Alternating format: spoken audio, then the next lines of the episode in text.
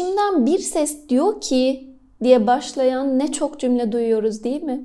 Zaman zaman geleceği tahmin eder, zaman zaman hayatınızdaki kişileri analiz eder, zaman zaman da köşesine çekilip sizi puanlar durur.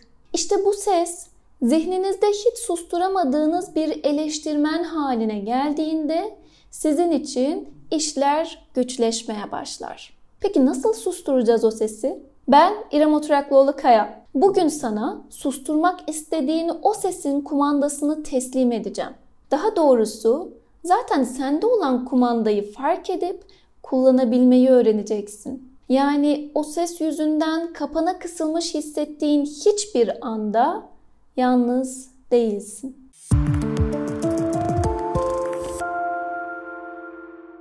Bazı davranışlarımız hiç bitmek bilmeyen alışkanlıklar haline gelir. Onlarla yaşamayı özümsediğimiz için yoklukları durumunun nasıl olacağını kestiremeyiz. Bu yüzden hayatımızdaki problemlere problem diyebilmek oldukça zorlayıcı ve çok önemli bir adım.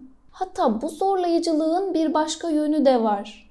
Problemin varlığını fark ettiğinizde ona problem dememek için onu meşrulaştırıyor olabilirsiniz. İçimdeki ses beni daha azimli kılıyor. İçimdeki ses kibirli olmamı engelliyor.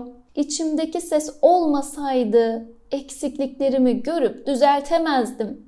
Bu tarz cümleleri zihninizde tekrarlaya tekrarlaya içinizdeki eleştirmenle bağınızı iyice düğümler, ona karşı bir bağımlılık oluşturabilirsiniz.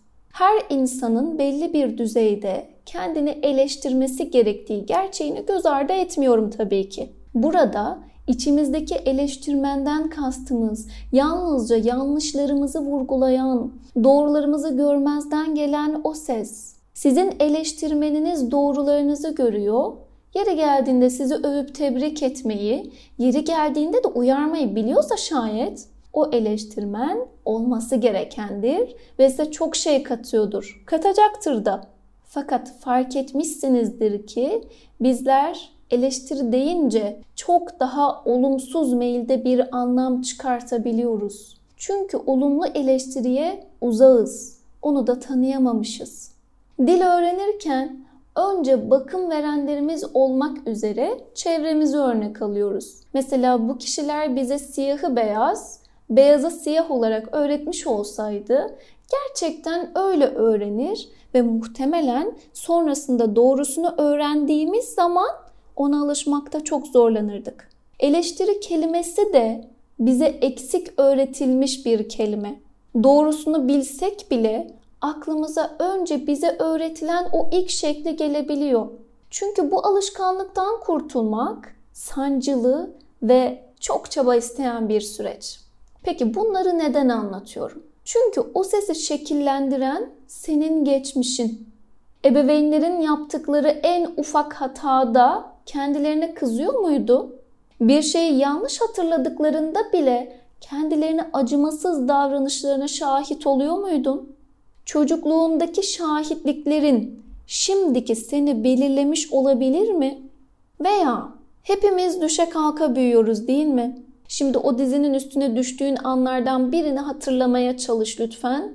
Düşünce sana şefkatle yaklaşan biriyle mi büyüdün? Yoksa dikkat etmediğin için kızanlarla mı? Azar işiterek mi büyüdün? Şefkatle okşanarak mı? İçinde hep yanlışlarını sana hatırlatan, hiç susmayan bir ses varsa o sesin önce sahibini bul. O ses gerçekten sana mı ait? Gerçekten sen misin yemeği yaktığın için sinirden ağlayan? Gerçekten sen misin yaptığın hiçbir işten memnun kalmayan? Kime ait olduğunu bilmediğin bir sesi kontrol edemezsin. Ama ne zaman ki fark eder ve bu sebepleri anlamlandırabilirsin, işte o zaman o kumandanın ellerinin arasında olduğunu da hissetmeye başlarsın.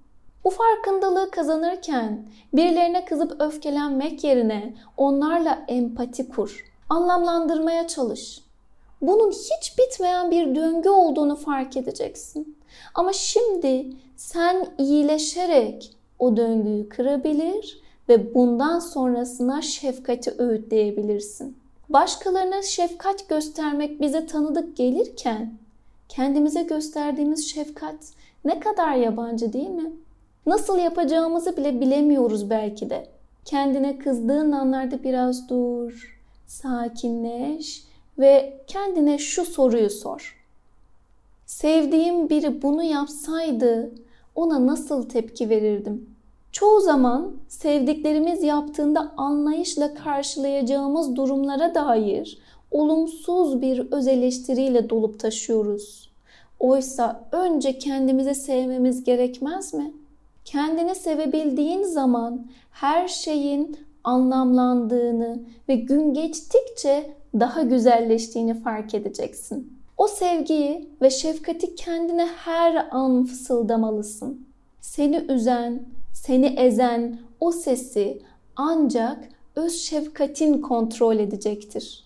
Kumandayı iyi kullan, kendine daima şefkatle yaklaş. Beni dinlediğin için sana yürekten teşekkür ediyorum. Sonraki podcastlerimde buluşmak ümidiyle hoşça kal, sevgiyle ve şefkatle kal.